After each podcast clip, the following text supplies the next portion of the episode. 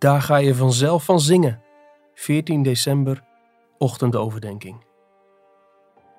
Want als hij op aarde zou zijn, zou hij niet eens een priester zijn, omdat er hier priesters zijn die volgens de wet gaven offeren. Deze priesters doen dienst in een afbeelding en schaduw van de hemelse dingen. Nu heeft hij, Christus, echter een zoveel voortreffelijker bediening ontvangen. Zoals hij ook van een beter verbond middelaar is. Een verbond dat in betere beloften is vastgelegd. Want dit is het verbond dat ik met het huis van Israël sluiten zal na die dagen, zegt de Heer. Ik zal mijn wetten in hun verstand geven en ik zal die in hun hart schrijven. Ik zal hun tot een God zijn en zij zullen mij tot een volk zijn. Hebreeën 8, vers 4 tot en met 10. Hier zien we dat kerst twee dingen betekent. Ten eerste betekent het dat de oud-testamentische schaduwen door werkelijkheid worden vervangen. De tempel, de offers, het priesterschap, de feesten en de spijswetten, ze waren allemaal schaduwen en afbeeldingen van de werkelijkheid in de hemel.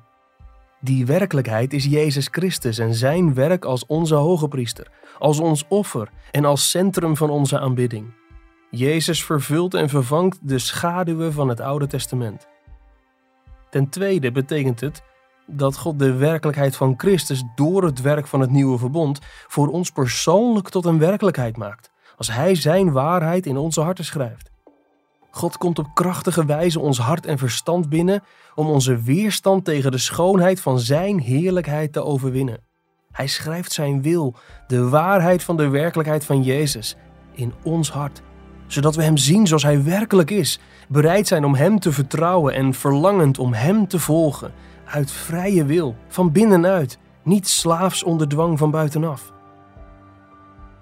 God is rechtvaardig, heilig, onschuldig, afgescheiden van de zondaars, van zondaars zoals jij en ik.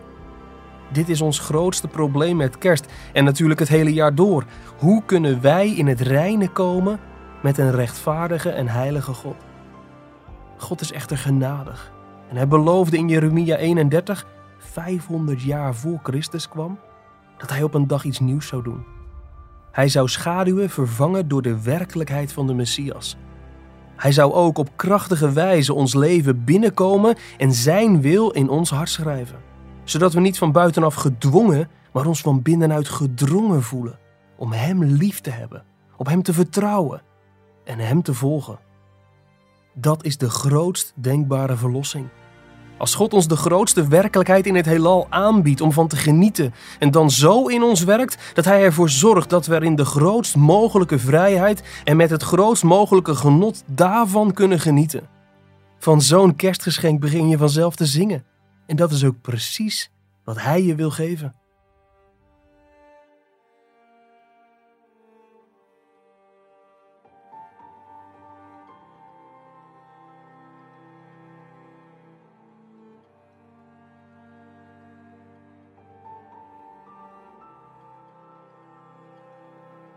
Je luisterde naar een overdenking uit het boek Onwankelbare Vreugde van John Piper.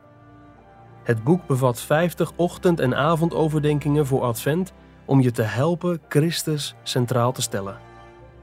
Ga naar de webshop van Geloofstrusting om het boek te bestellen of ga naar onwankelbarevreugde.nl voor een online dagboek voor het hele jaar.